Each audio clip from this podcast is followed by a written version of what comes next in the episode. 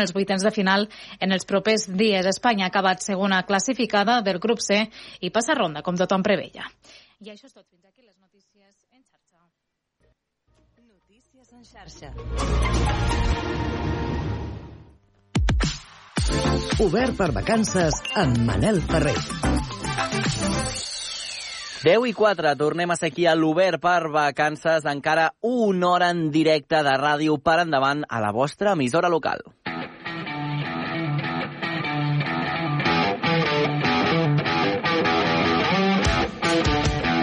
El 4 d'agost del 1962, passades les 11 de la nit, Marilyn Monroe va ser trobada inconscient al dormitori de casa seva. El que es va comunicar a la premsa va ser que havia ingerit més de 40 pastilles causant una sobredosi de la qual se'n deduïa un més que probable suïcidi. Però un cop feta l'autòpsia no es van trobar restes de cap substància present a les píndoles. Com avui fa 61 anys tenim en Víctor Córdoba de Cugat Mèdia que ha anat a visitar una de les col·leccions, atenció, més importants sobre l'actriu nord-americana que hi ha a casa nostra i que es troba a Sant Cugat. Víctor, bon dia.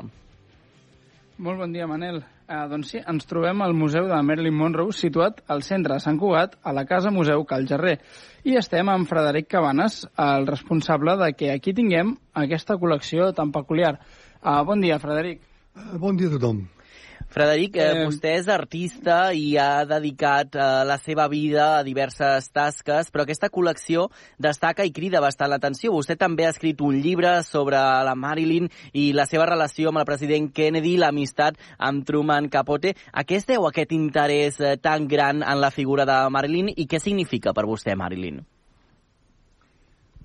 Uh, bé, Marilyn Monroe diré que quasi ho és tot, perquè la meva vida ha estat sempre al voltant d'ella, des de molt jove, que ja vaig agafar-me la febre aquesta, i, bueno, és un compromís que un agafa a la vida, també, a vegades. Mm -hmm. És un tema de d'això, d'estimació de, de, i d'apreci, i van els sentiments junts amb, amb altres coses, no? Com és el món del col·leccionisme, que el món del col·leccionisme ja sabem que és molt complex també, hi ha molts col·leccionistes i aleshores cada, cada un és, una, és un món a part, perquè les col·leccions no n'hi ha dues d'iguales, eh? Uh -huh. Per tant, Bé, eh, per mi Marilyn Monroe ha estat això, i és això, és la meva vida.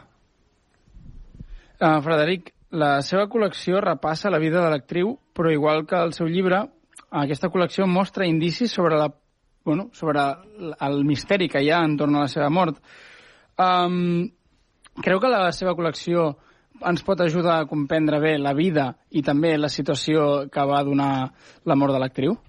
Uh, bé, uh, responent a el que tu em preguntes, no, són coses diferents, eh? Diguem que la col·lecció s'aguanta per si mateixa, no cal masses arguments. És a dir, la col·lecció en última hora són records de, que ens ha deixat ella, des d'objectes personals, eh, les seves fotografies, que són esplèndides cada una d'elles, i fixeu-vos que segur que els que ens esteu escoltant em donareu la raó mm. em dir que Marilyn Monroe eh, no les han vistes mai totes, les fotografies, eh? perquè jo, mira que he passat la meva vida remenant fotografies d'ella i encara ara en descobreixo de noves.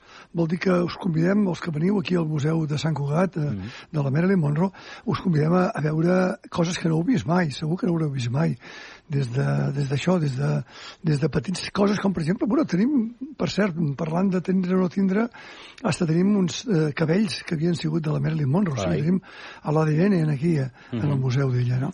Bé, eh, tu em parles de, dels misteris de l'amor, em sembla que em preguntaves això també, no? Aviam, jo el que sí recomano ara i sempre és que tingueu, que llegiu l'últim llibre que he escrit, que parla precisament d'això. Eh? És uh, La carta secreta de Marilyn Monroe, el títol del llibre és aquest, i precisament parla d'aquest tema, perquè és l'últim escrit que tenim de Marilyn Monroe abans de que ella morís, uh -huh. aquesta carta. Llavors aquesta carta la tenim aquí al museu, n'han fet un llibre i és molt important perquè ens delata, ens, ens revela coses que ens fa pensar com va morir i què va mm. passar, mm. i això és el que expliquem en el llibre. Per tant, tots aquells oients que encara no heu tingut el goig de, de saber-ho o, de, o de poder llegir aquest llibre, jo us diré, no espereu més, perquè allà sabreu no diré tot, però gairebé, perquè Marilyn Monroe serà sempre un misteri. Uh mhm. -huh. Però allà ens delata moltes coses, perquè ens ho diu ella mateixa. Eh? Són una carta de quatre pàgines. Escolta'm, Frederic, ens tens a tots eh, fascinats amb tot el món de Marilyn. Tinc moltes ganes de poder visitar aquest eh, museu. Eh, i ens explica que té un llibre, però dongui'ns una, una pinzellada. Quina és la seva opinió personal respecte al misteri que envolta la mort de Marilyn? Què, què en pensa vostè? Sí, naturalment, naturalment. Això és el tema que ens ocupa sempre, no? Sempre la pregunta que no pot faltar mai quan ve algú aquí a visitar el museu és aquest. Però escolta, explica'm què en penses tu d'això, no? Aviam, eh, el tema de l'amor jo n'he parlat un munt de vegades perquè, com et dic, és la pregunta recurrent de tothom, no? I això no vol dir que sigui important i que no sigui per parlar-ne, eh? eh? Ella va morir envoltada d'un gran misteri perquè eh, la, la versió oficial van córrer, diguem, a, a dir que es havia suïcidat. Eh? Ella era propensa al suïcidi, això ho sabem tots, és una dona amb una certa, mm, diguem, facilitat a les depressions i als alts i baixos, no? I això li va portar al llarg de la vida, eh, pues això, pues, eh, no diré intentar morir, però, però sí que no tenia massa cura, no? I aleshores, doncs, eh, el que van dir en seguida és que ella havia pres més pastilles del compte i es havia suïcidat. Eh? Doncs això ho podem desmentir ara, ara mateix i sempre. Eh? Han sortit moltes proves que ens demostren que ella la van apartar del mig. A mi m'agrada dir-ho d'aquesta manera perquè eh, dir-ho d'un altre se'm fa feixuc, no pensar que la va matar algú, eh? que algú podia pensar en matar-la, esgarrifo de pensar. Però és que va anar així la cosa. Eh? I jo insisteixo, vull dir que l'escrit que ella ens deixa eh, una setmana abans de morir, que és aquest escrit que estic parlant, aquesta carta, eh? aquest escrit on ella demostra eh, tindre por per la seva vida, per lo que li pugui passar. Això està molt clar que ella es veia vindre aquest, aquest, aquest mal son que va tindre, que això va ser la matinada del 4 al 5 d'agost de 1962. Eh? Doncs, Frederic, parlant d'aquesta matinada, a vostè cada any commemora aquest fet i li ret homenatge. Ens podria explicar com, com funciona exactament l'homenatge que li fa? Bueno, nosaltres eh, per aquestes dates eh, tenim costum de posar-hi també unes flors calades d'acollir en, el, en el mateix museu, oi?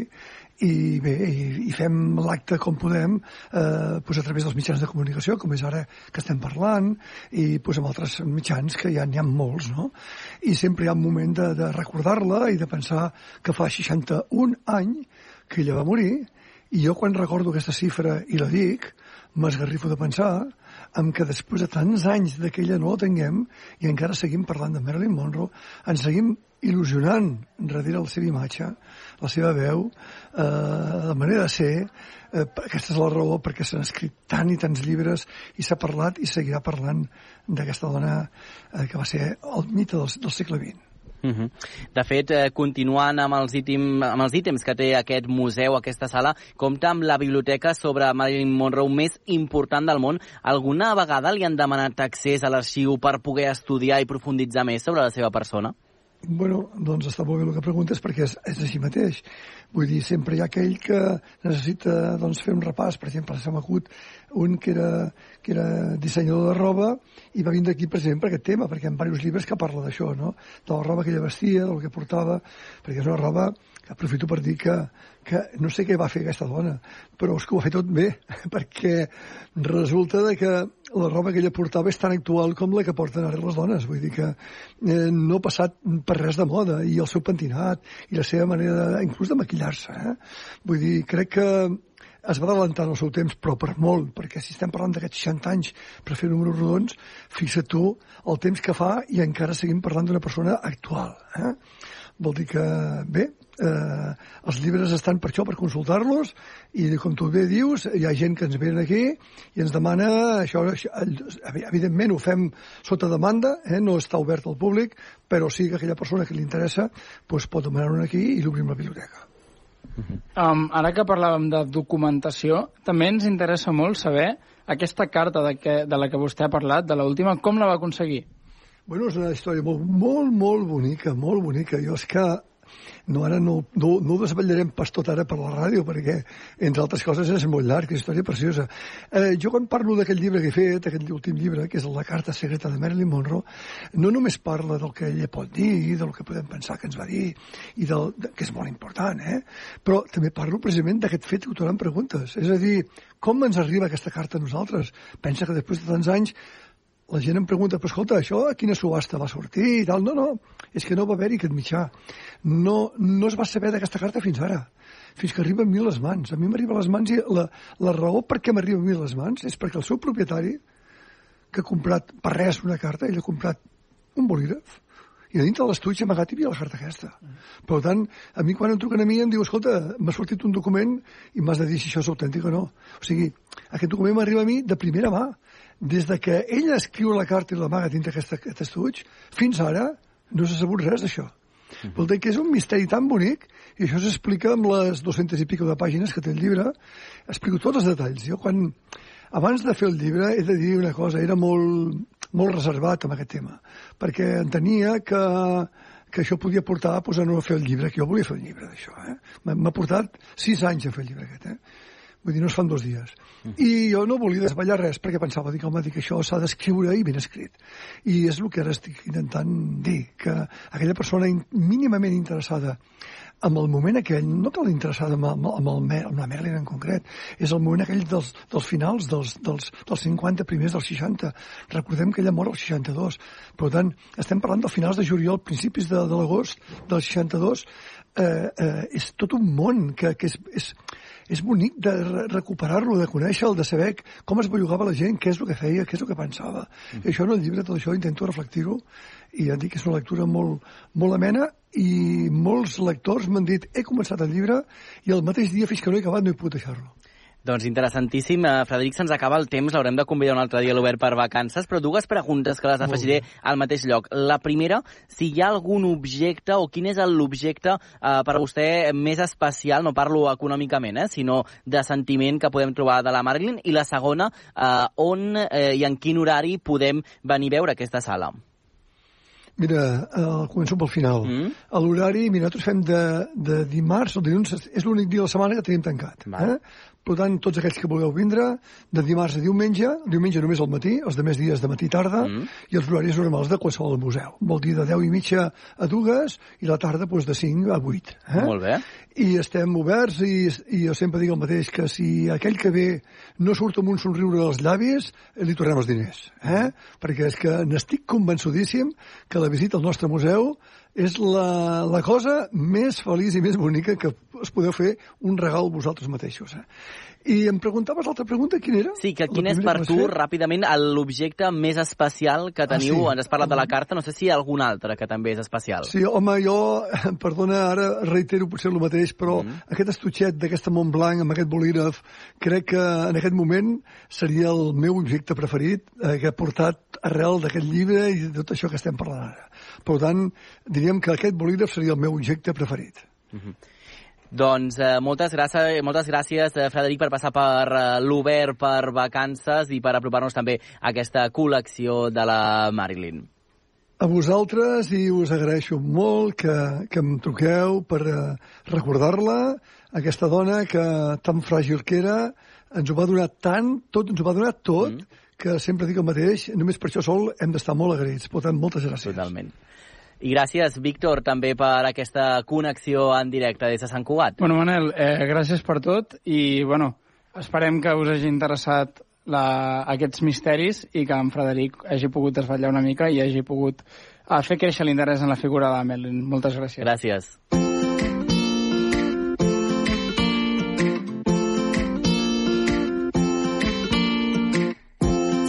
Passen un parell de minuts d'un quart d'onze del matí. Va, anem a fer un viatget. Avui contemplem el paisatge agrícola d'Olesa de Montserrat que compta amb una espècie autòctona d'olivera. Descobrirem racons poc coneguts com unes roques de color turquesa o un rellotge testimoni de moments històrics de la vila.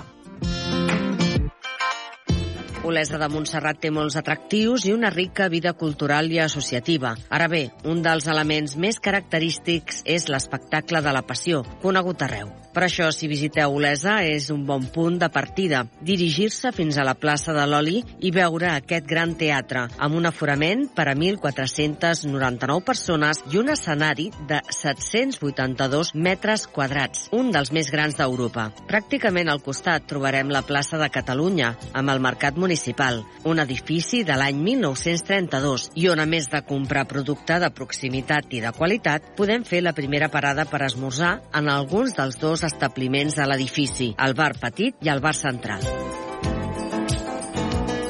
A 5 minuts del mercat podrem veure l'antic Hotel Gori, a la plaça de Fèlix Figueres i Aragai. Actualment és l'Ajuntament d'Olesa de Montserrat i és un edifici vuitcentista que en els inicis donava allotjament a la clientela del balneari de la Puda. Des d'aquí, us proposem continuar la visita cap al nucli antic, començant per la plaça de les Fonts, on podrem contemplar una arcada de l'any 1299 i des d'on accedirem a la plaça Nova, on gaudirem de la Torre del Rellotge. La Torre del Rellotge és un dels elements més significatius de la vila i data del segle XIV. Va ser construïda com a torre de defensa al castell d'Olesa. Al seu interior trobarem informació dels diferents usos, com una presó a la planta baixa, una escola al primer pis, la maquinària del rellotge municipal, entre d'altres. També un mirador, amb una vista panoràmica de 360 graus. El Departament de Turisme de l'Ajuntament d'Olesa de Montserrat organitza periòdicament visites gratuïtes. Escoltem què podem trobar a la Torre del Rellotge de la mà d'Adrià Carreras, membre de Real Acció Cultural, entitat que gestiona aquestes visites. La Torre del Rellotge és un edifici ben bé dels més emblemàtics d'Olesa és un edifici que, que destaca per la seva forma singular i que durant molts anys ha estat, eh, per no dir pràcticament tota la seva història moderna, ha estat batada o tancada al públic. Només hi entrava la gent que hi havia de treballar o fer algunes feines de manteniment o, en el seu temps, el rellotger. Ara, per fi, després de molts anys, des del 2018, podem visitar-la i conèixer moltes parts de la història d'Olesa a partir de les estretes parets que té aquest edifici i, sobretot, un cop arribats a dalt, poder veure una panoràmica única i inigualable. A més de la torre, a la plaça Nova hi trobarem l'església parroquial de Santa Maria. En una de les façanes es pot contemplar una portalada renaixentista, restituïda el 2019 després de més de 50 anys desmuntada i guardada en un magatzem municipal. Si voltem pel nucli antic, arribarem al portal i la capella de Santa Oliva, patrona de la població. És el darrer dels antics portals que tancaven la vila d'Olesa. La capella es va edificar al segle XVII. Per acabar amb el nucli antic, una de les visites obligades és al Centre Cultural Cal Puiggener, al carrer de Creu Real número 18. Es tracta d'una antiga casa pairal del segle XVI. Es poden visitar dues exposicions permanents a l'Espai Montserrat, Terra i Ànima i Parc Rural del Montserrat. En aquest espai, els visitants, entre d'altres, podran conèixer el famós i reconegut oli d'Olesa. Escoltem Xavier Rota, regidor de Patrimoni. Hi ha molta informació, hi ha moltes peces, hi ha molt de text, tant de l'exposició eh, Terra i Ànima com, la, com la del Parc Rural, no? que també dona informació doncs, de, de, no només del producte que tothom coneix, sinó el productor que també és molt important i que també cal doncs, potenciar i donar a conèixer L'horari de visita al Centre Cultural de Cal Puiggener és de dilluns a divendres de 10 a 1 del matí i les tardes dels divendres i dissabtes de 5 a 8.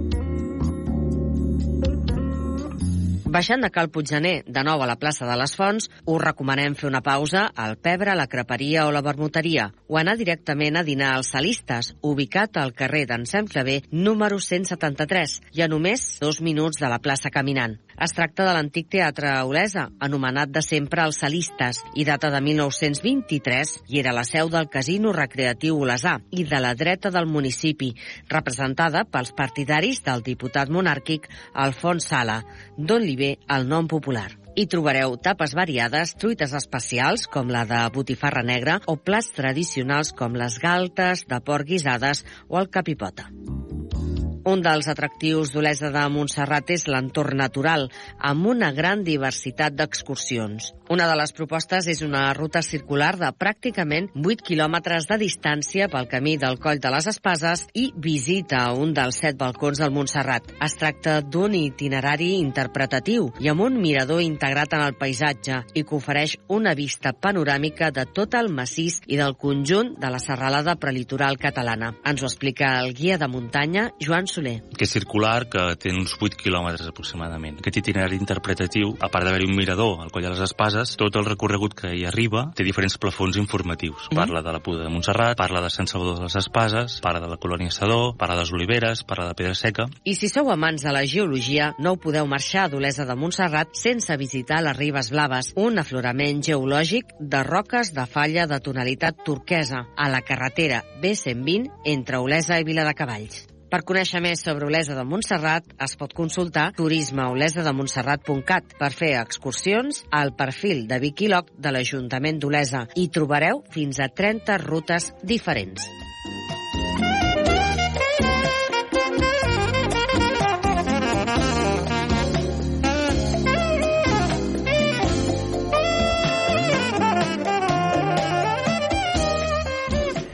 Deu 24. Seguim en directe a l'Obert per Vacances.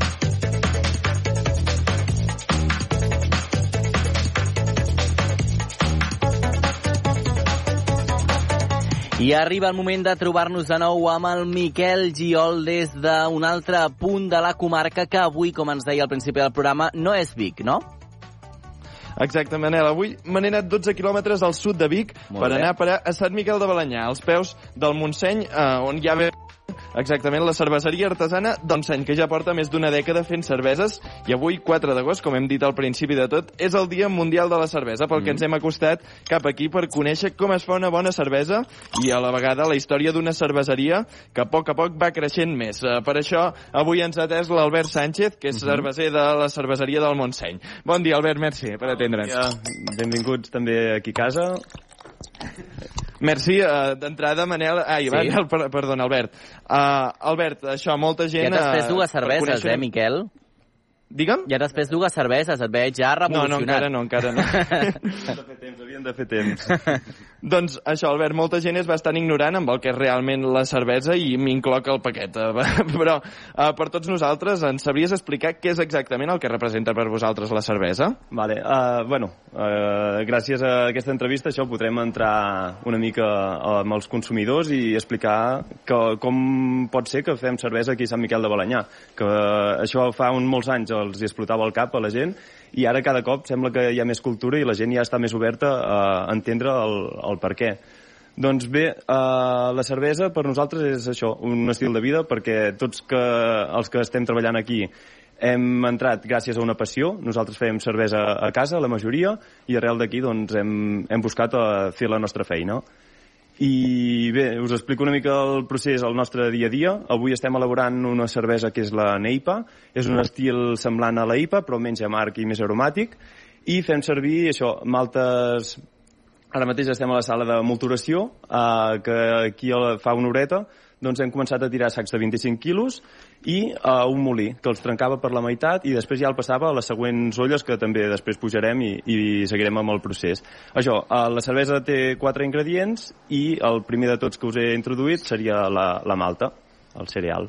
Precisament ara, com comentava l'Albert, estem en aquesta sala al principi on Mhm. eh, el primer procés estem envoltats d'un pilot de sacs que què dius que tenen a dins? Aquí tenen malta, malta d'ordi, eh, la majoria. I això és el cereal que està maltejat i després tenim diferents tipus de maltes, maltes més caramelitzades, més torrades, per fer els diferents tipus de, de cervesa. Avui la cervesa serà rossa, per tant les maltes són bastant pàl·lides. Precisament aquí al costat tenim unes quantes mostres de- d'aquesta uh, uh, bueno, d'aquesta d'aquesta primera matèria que fareu avui, que, que són així com trossets petits de, de com, com diguem el pellet, allò que es posa per les, Sí. per, per les est estufes. Això, però, serà el següent ingredient. Aquest ja, ja el tenim preparat per l'ebullició, que aquest pellet que dius és el llúpol. Seria una planta que és molt aromàtica, per això, Mhm. sense aquests aromes tan a fruites tropicals, sense ser una fruita tropical, eh, que té uns olis essencials molt, molt potents i això, de, aquest serà el següent pas que, que afegirem. El cereal seria res, el mateix que veiem al camp, mm, doncs seria això. Uh -huh. Perfecte, doncs si et sembla, Albert, anem avançant cap al proper punt eh, de, la, de la producció. Eh, mentrestant, ens podries explicar una miqueta quan és que aquí a Sant Miquel de Balanyà, amb la cervesa del Montseny, comenceu a decidir... Ai, bueno, comenceu a fer cervesa? Vale, doncs això es va remuntar al 2007, que un grup d'amics, jo encara no hi era, jo vaig aparèixer el 2013, arrel d'unes pràctiques universitàries, però això, el 2007, dos amics, com he explicat, eh, feien cervesa a casa, es van trobar una nit tonta, suposo, i van tirar endavant aquest projecte de, de per què no elaborar una, una fàbrica aquí a Sant Miquel de Balanyà, prop de casa seva i un d'aquests estava fent pràctiques també a Anglaterra i això va fer que poguessin comprar maquinària de segona mà, la van portar cap aquí i van tirar endavant amb tot això. Molt bé.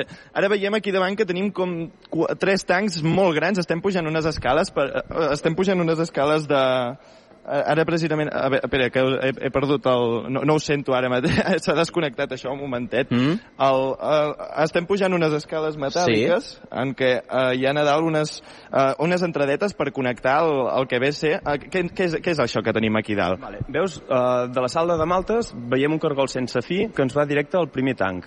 Aquí és on es barrejarà el cereal aquest molturat mm. amb aigua calenta i això es farà una pasta que quedarà uns 65 graus durant una hora. I a partir d'aquí comença una mica la màgia que, que dèiem. És molt fàcil entendre que el vi, eh, tu prenses el, el raïm i et surt un sucre dolç, en canvi amb el cereal necessitem aquest, aquesta mescla d'aigua calenta amb cereal per aconseguir un most d'aigua dolça mm -hmm. a mhm. partir del, del propi cereal. De Després d'aquest tanc, el que farem és eh, trasbassar-ho al següent tanc eliminant tot el cereal i només traient la part del most, que seria aquest aigua amb, amb sucres del cereal. I aquí es bullirà durant una hora. Aquí ja sí que afegim el següent ingredient, que seria el llúpol, això que senties amb aquesta olor tan, tan potent, i és el que li donarà l'amargor i també aquest aroma tan a fruites tropical, tan característic del, sobretot dels estils IPA. Després de bullir, el que farem és passar-ho al tercer tanc per eliminar aquestes partícules de llúpol i que només tinguem, perquè la cervesa és líquida, no tens cap partícula en suspensió. Doncs, eh, gràcies al tercer tanc, es separa el llúpol del most. Mm -hmm. De fet, eh, Albert, ara seguirem perquè ens esteu fent tot aquest recorregut i no ens volem perdre res a l'obert per vacances, però explica'ns una mica perquè també ens fem la nostra imatge no? en el nostre cervell, eh, com és una fàbrica o un lloc en el qual eh, es crea aquesta cervesa. Vale, uh, bé, si et situo aquí a la nostra fàbrica, mm. tenim un restaurant adjunt a, a directe a la fàbrica, Carai. per tant, també uh, recomano molta la gent que vingui a prendre una cervesa, mm. a prendre algunes tapes o així, i, i ho vegi en directe. Molt bé. I, per altra banda, nosaltres ara estem situats que està ple de tancs eh, de dipòsits metàl·lics, Uh, això és un... Som dos cervecers ara actualment, només, a la cervecera, per tant, tot i que tingueu la imatge de cervesa Montseny que està present a tot arreu, mm -hmm. és mhm. perquè treballem moltíssim, però eh, som cervesa artesana, eh, fet això amb passió, tenim les aixetes que les obrim manualment, la sala d'envasat també és bastant manual, o sigui que el que volem fer és un producte així molt proper, molt fet a, arrel de, del nostre hobby, fet feina i, i això transmetre-ho a, a vosaltres, els consumidors, uh -huh. i que ho disfruteu tant com nosaltres. Precisament això, Manel. Està tot ple de tancs. Només entrar ja he passat per un passadís que tens tancs, tancs i tancs per banda, que realment és impactant, tots amb el logo de la cervesa del Montseny, i llavors veus realment com s'acaba de fer tot això. I precisament també aquests tancs tan grans que tenim aquí al costat on es fa l'ebullició, per exemple, aquí dins quants litres hi caben de cervesa? Aquí cabran 3.400 litres de most, que un cop envasat, com que hi han mermes, perquè això, afegim llúpol, afegim altres matèries primeres que, que retenen líquid, doncs envasats surten 3.000, 3.000 litres, que això equivalen a unes 9.000 ampolles, o llaunes, també eh, estem fent llaunes actualment, i de, també fem alguns barrils. Perquè uh, si, si anem avançant cap a la propera posició, si et sembla, ara baixarem per les escales, que, que hem d'anar amb cuidado perquè són molt dretes. Vigila, així, eh? Vigila, ai, sisplau, Miquel. Sí, sí, ja, ja vigilem, anem amb cuidado, que no ens volem matar. Però bueno, uh, la cosa és, avui esteu fent aquesta cervesa a la IPA, però aquí quants temps, uh, quantes cerveses teniu? Uh, quantes cerveses tenim feu? Tenim moltíssimes referències, tenim més de 15, i eh, les que ens solen sortir més però acaben sent unes set referències. Per què fem això? Perquè no tots els consumidors són iguals, tothom té els seus gustos, eh, ens agrada molt fer fires, interactuar amb la gent, i eh, veure què necessita. I amb el, alguns poblets petits que tampoc estan oberts a tant... Per exemple, a Barcelona sí que hi ha molta diversitat i pots trobar molt fàcilment diferents cerveses, però a les fires t'arriba gent que diu no m'agrada la cervesa però vull intentar-ho i això, eh, li demanes què t'agrada, la xocolata? Doncs tiraràs cap una cervesa més eh, torrada. Que t'agrada molts els sucs de fruites naturals? Doncs tiraràs cap a neipas i això eh, vas ajustant una mica i no volem fer una sola cervesa, sinó que volem trobar la cervesa adequada a tothom. Mm -hmm. Albert, ara ens estaves explicant també el funcionament, com fer totes aquestes eh, cerveses, però hi ha una part que a mi m'interessa molt del procés, que és la creació. És a dir, aquestes receptes eh, són idea vostra, teniu un departament d'I més D que creat aquestes idees. Com arriben aquestes receptes eh, fins que vosaltres les acabeu produint? Vale, uh, això, l'I+D seguim sent nosaltres fent mm -hmm. cervesa a casa, seguim uh, provant cerveses d'altres marques i, i amb això t'agafen idees que, que ho portes a, a, això, a petita escala i després, uh -huh. si veus que la cosa té, té futur, ho tires endavant. Però penseu que, per exemple, als Estats Units fan cerveses Uh, que això són novetades i mm. jo no, sí? no hi crec massa, eh? però amb maletes de pollastre, amb, amb xutxes, fan coses molt, molt extremades. Suposo que per buscar una mica el màrqueting més Clar. que el producte en si. Però vull dir, s'han fet bogeries amb cervesa. Per exemple, nosaltres tenim una... que és una marca que tenim, que elaborem aquí, mm -hmm. uh, marca Engorile, i es diu Chingona, que ah. aquesta és una cervesa lager amb llima i també chili que ah. li dona un toc picant molt sutil que cada cop t'ajuda a més a veure, eh? perquè te la veus super refrescant i al cap de res t'apareix la, la picó i vinga, tornes a fer un altre glob. Carai, tu. Escolta'm, eh, també volíem eh, saber, no doneu suposo moltes pistes tampoc per la competència, però no sé si actualment esteu treballant amb alguna nova cervesa i alguna que estigui potser a punt de, de treure la llum, de veure la llum. Bueno, sempre, sempre tenim idees eh, al bombo mm i imminentment no sortirà res. Ara fa res hem tret la, la Margen, una cervesa sense gluten, uh, que és un tipus de lager, més torrada, que ha tingut molt bona acceptació. Sí que, bueno, estem pensant, però això no tenim res ni, ni fet ni d'allò, però ens agradaria aconseguir una cervesa sense alcohol, però a nivell artesà és difícil. Clar perquè bueno, no fem processos eh, fora de, de l'artesà i llavors sense pasteuritzar les ampolles és molt complicat uh mhm. -huh. perquè poden recarbonatar i bueno, tenim moltes complicacions però sí que ens agradaria això també arribar a aquest, a aquest sector. Doncs Albert, mentrestant, si et sembla, avancem cap al proper punt, després d'aquesta de ebullició que fem en aquests tancs de 3.000 litres. Quin és el següent punt que, pel que passa a la cervesa? Vale. Avui he explicat que estem fent l'elaboració de la neipa, això tarda unes 9 hores. Eh, des de que barregem el cereal fins que acabem de bullir i omplim el tanc fermentador, això són sobre 9 hores. Llavors li tirem el llevat, que és el tercer ingredient que, que encara no havia explicat, que s'encarrega de menjar-se els sucres que conté el most i el transforma en alcohol i CO2, entre altres compostos. I això tarda uns 7 dies. Però després la cervesa encara ha de madurar una mica. Per tant, podríem dir que sobre el cap d'un mes després d'avui tindrem aquesta cervesa Neipa apta per eh, ja distribuir. Uh -huh. Perquè, per exemple, això que comentes, el llevat, quants quilos de llevat hi heu de tirar a la cervesa perquè s'ho mengi tot? El llevat són microorganismes i, per tant, amb pocs quilos hi ha moltíssims microorganismes. Avui, per exemple, tirarem sobre dos quilos per fer uh, 3.000 litres. I, per exemple, parlàvem això, sou una cervesa, ai, una cerveseria artesana. Uh, quins són els beneficis o a la vegada els inconvenients amb els que es trobeu al ser una cerveseria artesana més petita, podríem dir, que altres marques molt inter... bueno, que són molt més internacionals o molt més grans? Vale. L'avantatge i desavantatges és que estem produint un, un producte viu, vull dir, no pasteuritzem. Per tant, la cervesa és més susceptible a, a la calor i altres paràmetres de conservació i eh, nosaltres el que volem és que surti de fàbrica i ja es consumeixi el més ràpid possible, perquè estarà més bona, més fresca, més aromes, més matisos, i això, per altra banda, hem de... Bueno, això és un impediment per, per exemple, anar al xiringuito de Mhm. la platja i que tinguin barrils allà nostres punxats, perquè amb aquella calor eh, és més complicat. Clar. I ara veiem que aquí al final de tot de la línia tenim ja com una màquina que ja és per, al, per l'envasat? Sí, aquí ja tenim els tancs eh, de carbonatació, on s'injecta bueno, el CO2, el gas carbònic, que ho fem així de manera més, eh, més manual per tenir una constància i això, tenir menys problemes a l'hora de, de, de consumir. I eh, aquí tenim dues màquines. Tenim l'enllaunadora i l'envasadora, que tot està connectat en línia, però acaba anant al mateix lloc. Uh -huh. I, i per aquí, per exemple, si, si veiem, eh, cauen les llaunes, es giren cap per avall, es fa una ruixada amb aigua per, per si hi hagués qualsevol partícula dins de la llauna, i llavors es gira cap per avall i s'asseca.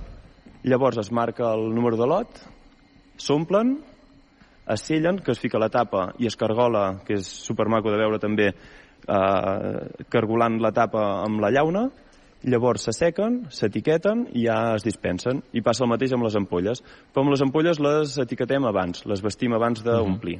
Deu ser gairebé Perquè com- hipnòtic, eh? Veure també tot aquest eh, procés eh, final eh, deu ser una, una cosa molt, molt xula. Escolta'm, se'ns acaba gairebé el temps, però no sé, Albert, si és possible que el Miquel, com a veu eh, i ulls i representants de tota Catalunya ara mateix a les ràdios locals, eh, pugui provar una de les vostres cerveses. Oh, i tant, oh, i tant. Faltaria més una altra, no? N'ha de provar. No, no, no, és mentida, eh? No n'he provat cap abans d'arribar. A veure, escolta, Això és mentida. volem, vi- volem viure aquesta experiència amb tu, Miquel, et queixaràs, eh? No, no, sí, sí, no, no em queixaré pas. Ja. Manel, tu em fas anar per tot arreu, eh? Això està bé, això està bé. Sí, sí, això és veritat. Perquè, uh, Albert, això, de cara a un futur, uh, ara ja esteu en el supermercat amb aquesta, amb la cervesa al Montseny. Que, on és el que voleu arribar des d'aquí la cerveseria al Montseny? Uh, volem arribar a més consumidors, això que, que tothom tingui accessibilitat a les nostres cerveses, bàsicament. Uh -huh. I uh, que no s'estanquin amb lo de sempre i omplir, obrir una mica el ventall. Mira, ara, ara hem entrat precisament al restaurant, aquest que tenen aquí, els de la cerveseria al Montseny. Tenim al davant una nevereta tot plena de Home. així, cerveses del Montseny, Quin de molts tipus, perfecte. veiem. Mm. Um, quin, quin té, avui, avui esteu fent aquesta, la, la, la IPA. Neipa, que seria Neipa. aquesta en format llauna. Mm? La, la podem provar aquesta, la, la Neipa, ja que és la que fèiem avui, a veure què A veure, a veure com ha quedat, això. A veure. Doncs és una llauna així molt atractiva, molt, mm -hmm. molt xula, així en, en, en vermell. eh, Té, té, és, és molt atractiva. A veure, obrirem A la veure, a veure. I ara, ara surt l'espumeta, no sé si és que l'heu obert fatal o... A veure, espera. A veure. Es nota que sap tirar, es nota que sap tirar la cervesa bé, perquè no, no, no ha fet gens d'espuma. Ja, en- ja en deus tenir molta experiència, no, Albert? Sí, sí, eh, anem, n'obrim unes quantes aquí a fàbrica. A veure, Miquel, com està això. que tot va bé. A veure, anem a A provar-la? veure. Estava bé, no, el Miquel? Per això no està parlant, clar. No, és, és, és molt bon, és molt bon. És, És així molt bon. amargant, no? Tirant més amargant. Sí, se- les, totes les IPAs tenen tanta quantitat de llúpol que això li dona una mica d'amargor, però alhora és molt aromàtica, molt... Mm. no és un amargor que s'enganxa molt. Molt no, bé. no, sí, la veritat és que té aquests gustos de fruites al, al, al final, que la veritat és molt bona. Moltes gràcies per deixar-nos Carai. ho provar, Albert. Estem descobrint aquí un, un gran provador de cerveses, també en el Miquel eh, Giol. Escolta'm, Albert, moltes gràcies per obrir-nos les portes avui de, de les vostres instal·lacions. Vale, moltes gràcies a vosaltres per fer-nos aquesta visita. I gràcies, Bueno, jo- Miquel, jo volia escolta'm, clar, què ens has de dir? Ex- Sí, que jo, jo ara ja plego durant tres setmanes, ara li, toca, li passo el relleu a l'Eudal, eh, que, que ja ha vingut algun dia, Sí. però ara durant tres setmanes ho farà ell, Bravo. jo torno la última setmana de l'agost, així que moltes gràcies, ha sigut molt divertit i ens veiem fins llavors. Oh, i tant, gaudeix molt de les vacances. Miquel, porta't bé, si us plau, porta't bé, porta't bé aquestes vacances, gaudeixes moltíssim. I ha estat un honor, però no ens acomiadem, perquè encara tindrem temps la darrera setmana del programa de poder parlar amb tu i enviar-te encara a molts més llocs. Passa-t'ho molt bé, Miquel. Exacte. Apa, Adéu. adéu, que vagi bé.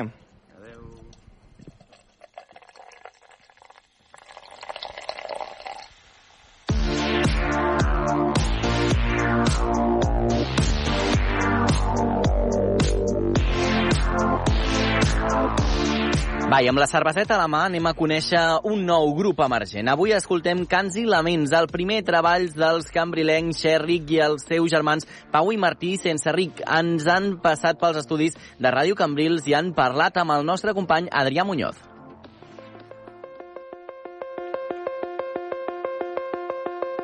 Ei, com va això d'estar tranquil?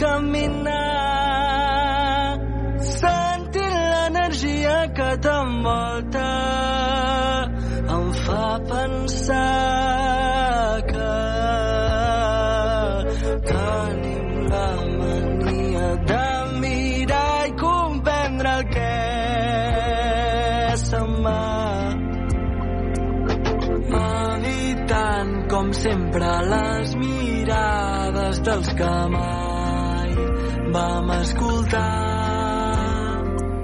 Estem escoltant Tenim la mania, una de les cançons que formen part de l'EP Cants i Laments, el primer treball del grup cambrilenc Xerric, format pels germans Pau i Martí Senserric, que ens acompanyen als nostres estudis. Benvinguts, Pau i Martí. Hola, bones. Moltes gràcies. Com definiríeu aquest projecte de, de Xerric? Xerric és un projecte musical de nosaltres dos germans de Cambrils i definiríem el projecte com, un, com una música íntima de pop d'autor un projecte íntim, no? Un projecte fet sense pressa, un projecte fet amb molt de carinyo, des de la tranquil·litat, des de les experiències pròpies, no, no, no cerquem gaire cosa més. Una mica lo quotidià. Fem música. Una pregunta que de ben segur ningú s'ha fet mai. Què significa xerric? Ho Xerric? Ho deia amb ironia, òbviament. I tant, i tant. Uh, no, Xerric, nosaltres ens diem Pau i Martí sense ric, i Xerric és com el, el nom, no?, de, de la família. De la família, és, és d'on venim. Per tant, creiem que els ser dos germans um, i fer música pròpia, doncs vam dir, per què no? Busquem els orígens i a partir d'aquí sí. tirem endavant. De cal Xerric. Com va ser la, la decisió de posar en marxa aquest grup? Va ser espontània? És una decisió que s'ha anat eh, coent a foc lent amb el pas dels anys? Com ha anat això? Doncs la veritat és que no, no, no ha sigut un procés ràpid. Vam començar um, simplement musicant el Pau i jo doncs, les nostres cançons. Um, primer vam començar amb les meves, després ell també es va animar doncs, a escriure'n d'altres i a partir d'aquí doncs, hem anat um, creant el puzzle, no? Primer vam treure aquest primer EP um, amb una banda, per tant, amb un format gran i bastant, mm. bueno, excepcional, no? Perquè també portàvem un cor de 8 persones i ara, doncs, um, s'ha transformat i hem dit per què no tornem als nostres orígens i fem noves cançons, nou, nous temes de, també els, dels dos però només amb el guitarrista que portàvem. Llavors, una mica ara el puzzle ha acabat encaixant amb aquestes tres persones i fent una mica més l'acústic que fèiem abans. Uh -huh. La vostra música té, ho estem escoltant, un so molt especial, eh, totalment allunyat dels cànons comercials d'avui dia. La, sens la sensació és que teniu un estil molt particular. És així? Suposo que és una cosa que està buscada, oi? Sí, o sigui, nosaltres fem, fem música perquè ens agrada, perquè ens aporta. Um, no, no busquem ni res estètic, ni, ni seguir els cànons, ni seguir les modes. Llavors és això, tenim el nostre estil, és la música que ens agrada fer, els nostres referents doncs, també toquen per, per aquest estil, llavors no mirem mai el, el, el que s'està escoltant avui en dia, sinó fem el que ens agrada i el que, el que volem transmetre. I per què feu música? És una necessitat? Ostres, no sé. Des de ben petits que, que n'hem fet els, els dos conjuntament i, i no sé, és una cosa que surt de dins, que no te la preguntes. Hi ha gent que escriu, hi ha gent que, no sé, hi ha gent que va, va córrer, doncs nosaltres fem música per, per explicar les nostres coses, els nostres problemes. Clar, també el nostre tipus de música és un, és un, és un estil que és molt íntim, no?, al final. Um, per això ara hem decidit tornar en aquest, en aquest format més reduït, per tornar doncs, a sentir-nos en aquest des, en aquesta despullamenta, no? en, aquest, en aquest no res i, i des d'on creem les cançons. Per tant, bueno, fem música una mica per necessitat de dir, hòstia, mm, pues, el, el que estic fent m'agrada, em, em posa la pell de gallina. En, sí, expressar. Sí. I és difícil obrir-se, a vegades? Ostres, jo diria que sí. Almenys jo personalment faig la música per explicar les coses que em passen. Els dos crec que som força introvertits, llavors la música és aquest canal per on expressem les nostres coses. Mm -hmm. La veu, parlem de, de la vostra veu. Uh, té molta importància. El, uh, bé, la, òbviament la veu sempre té importància en un grup, però di, diria que les vostres cançons en té de manera especial. És així? Sí, nosaltres realment venim dels estudis clàssics, um, per tant, i bueno, podem dir, no, de, sí, sí. hem estat hem estat, han tingut referències doncs, montserratines um, que ens han fet créixer doncs, amb aquestes harmonies una mica més amples, més fer servir la veu com a instrument i no tant a instruments harmònics, crear des d'aquest punt, no? des del nostre propi instrument. I llavors aquí hi ha la importància. Nosaltres, els nostres referents, les nostres referències d'estudis són molt creatives en quant a veus i, i creiem que ha de ser així i de fet ens surt així de per si quan creem. Sí, sí, sí. Uh -huh vosaltres sou germans, eh, parleu d'intimitat, ho esteu dient. Parlem de, de què suposa compartir grup amb una persona tan íntima com és un germà. Quines són, diríeu, les coses positives i si en té alguna de negativa? El positiu és que et veus constantment i, i sovint. I, I això és molt fàcil a l'hora de parlar coses, d'organitzar el negatiu potser seria també això, no? que ens veiem força sovint i a vegades doncs, hem de parlar de, de coses de, del grup quan estem amb coses familiars i a vegades és difícil, però bueno. Hem de saber separar una miqueta. Sí. I ho sabeu fer? Sí, Ens costa. però Sí? bueno, depèn del moment i de què, però sí. Depèn, però sí. Parlem de... Hem parlat de la vostra música, d'aquest so que busqueu particular. Parlem de les vostres lletres. Eh, sí que ens heu explicat que són íntimes, que és la vostra manera d'expressar-vos, però com ho feu? Eh, són lletres críptiques? Són clares? Eh, com, com, com, com ho feu a l'hora de composar? Cadascú escriu les seves cançons, això ja ho tenim sempre molt clar en quant a lletra. Tema música ja ho fem més conjuntament i ara el Gerard Cucó també ens està, està present en totes les composicions, però sí que a l'hora d'escriure jo almenys sóc molt transparent, és el que em surt, um, ho escric, ho poso sobre paper i, i a partir d'allà em surten les melodies. Però no, no trobo que sigui complicat perquè és això, no, no, no pretenc, bus, no, no busco res amb les lletres, simplement és el que visc en aquell moment, quan necessito escriure ho escric i surt el que, el que estem escoltant. Sí, expressar el que sents en aquell moment i a partir d'aquí ja desenvolupes més la lletra. Uh -huh.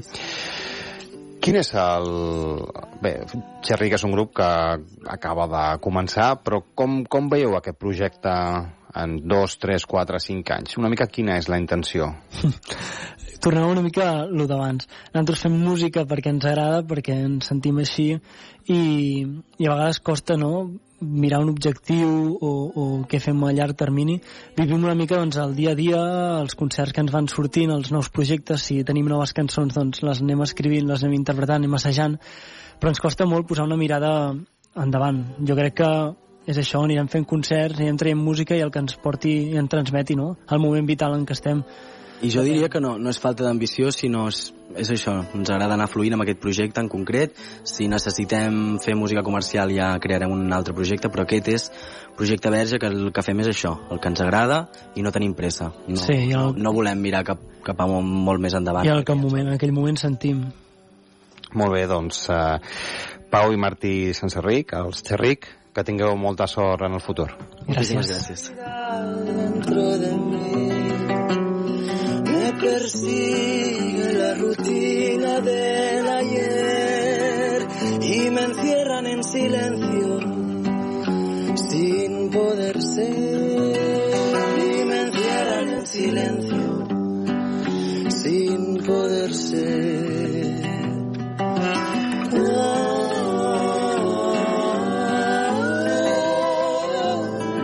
Avui descobríem aquest grup. El que ens toca fer ara a 1051 és conèixer la nostra agenda cultural.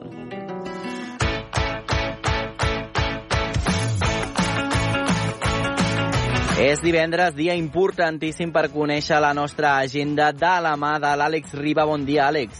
Bon dia, Manel. És divendres i el cos ho sap, eh? Oh, i tant que sí, oh, i tant que sí. Ja tens plans per al cap de setmana? Sempre, sempre. Molt bé, molt bé. Escolta'm, què ens expliques?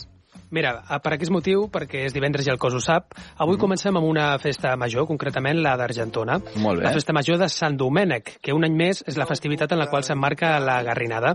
Es tracta d'un festival autogestionat que combina activitats diàries amb concerts al vespre i, com no pot ser d'altra manera, disbauxa de nit. Oh, la presidenta de la Garrinada, Marina Alaminos, afirma que enguany s'ha donat més rellevància als actes que tenen lloc durant les tardes. que volem més també potenciar bastant les tardes, eh, sobretot la tarda de DAP del dia 4 i una mica doncs, la mítica caipirinada popular, que és un dels actes més memorables d'aquesta garrinada, que enguany ja fem 23 edicions, un projecte autogestionat amb molts voluntaris, com sempre, que ho faran possible, i res, moltíssimes ganes de veure'ns a Argentona entre el 4 i el 6 d'agost. Entre els artistes convidats, Manel, hi ha Nena de Oh, Conte, tant. de Tiets, que ja estan sonant de fons, Mhm. Sofia Gavana i Figa Flaues. Escolta'm, eh, aquí realment hi aniré, eh? Demà aniré a veure Nena del Conte perquè en tinc moltíssimes ganes eh, i ja us explicaré el dilluns eh, com va aquest eh, pla, que segur que és meravellós. Jo ho tinc afegit a l'agenda. Què més ens portes per aquest cap de setmana, Àlex? Doncs mira, dilluns et vaig prometre una ració doble de Sí? la poeta catalana del moment, de la Juana Dolores. Mm. Doncs eh, aquí la tens, i és que aquest diumenge recitarà un míting feminista a l'Antic Teatre de Barcelona. Es tracta d'una peça anomenada Hit Me If I'm Pretty, és a dir, pega'm si sóc bonica.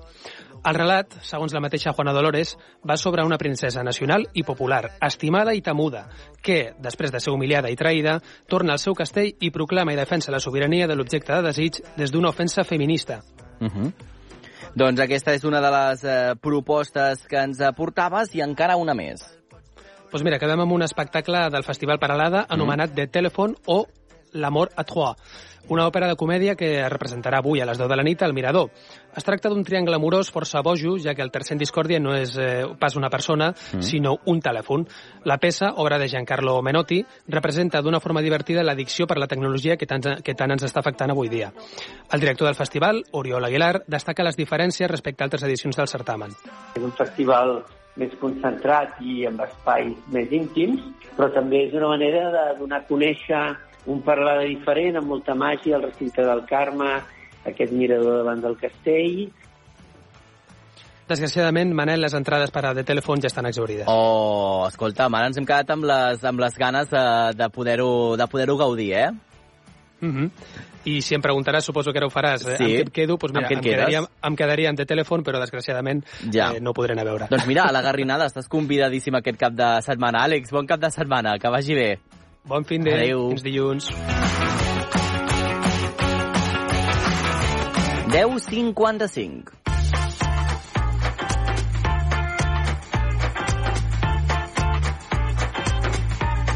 I jo em nego, em nego a marxar de cap de setmana sense parlar amb la meva companya i amiga Anna Gasol. Re, benvinguda a l'Obert per Vacances. Hola, Manel, me n'alegro molt, jo tampoc. Escolta'm, estic eufòric perquè ja hem entregat 60 eurets més que avui marxaven Mhm. cap a Benicarló, l'Arnau Mercader, que segur que estarà per anar de festival. Em sembla una molt bona elecció, eh? Exacte, per anar de festival, imagina't que cap de setmana més xulo, eh? Oh, i tant, I ho ha perfecte. fet, escolta'm, deixa'm que, que digui, eh, que Mhm. com ho ha fet això, enviant un àudio al 628 841 055 i ens ha dit el seu nom, el lloc i quina era la cançó de l'estiu que proposava. Això heu de fer vosaltres. Exacte. I Com? hi ha gent que ho ha fet ja, eh? Hi ha gent que ho ha fet, mira, que te'n fico un. A veure. Bones, sóc el Pep des de Badalona, que us escolto cada matí. Hola. La meva cançó preferida de l'estiu és El africano de Georgie Dan. Mamá, ¿qué será lo que tiene el negro? Abraçades. Fins ara. Què et sembla el És Pep? meravellosa aquesta cançó. Jo crec que és un d'aquells uh, hits uh, estiuencs uh, molt bons, eh? I tant, això és un clàssic entre els clàssics, és a dir, Georgi Dan havia de sortir Total. sí o sí al nostre Mhm. concurs, eh? Doncs escolta'm, amb aquesta, si et sembla, marxarem amb aquesta meravella del Negro, aquesta cançó de Georgi Dan. Tornarem el dilluns, eh, que dilluns eh, hauré de disculpar-me públicament eh, amb, el, amb Los Diablos perquè he descobert la seva biografia i discografia i tenen superhits. Em vaig precipitar ahir. Anna, dilluns, si et sembla, et repasso alguns dels hits que tenen Los Diablos perquè alguns són molt bons. Ja Mira, dic. aquest cap de setmana ja tinc... Molt bé. Gràcies, Anna, abraçada, i gràcies a vosaltres. Bon cap de setmana i fins dilluns. Us esperem a l'Obert. Adéu.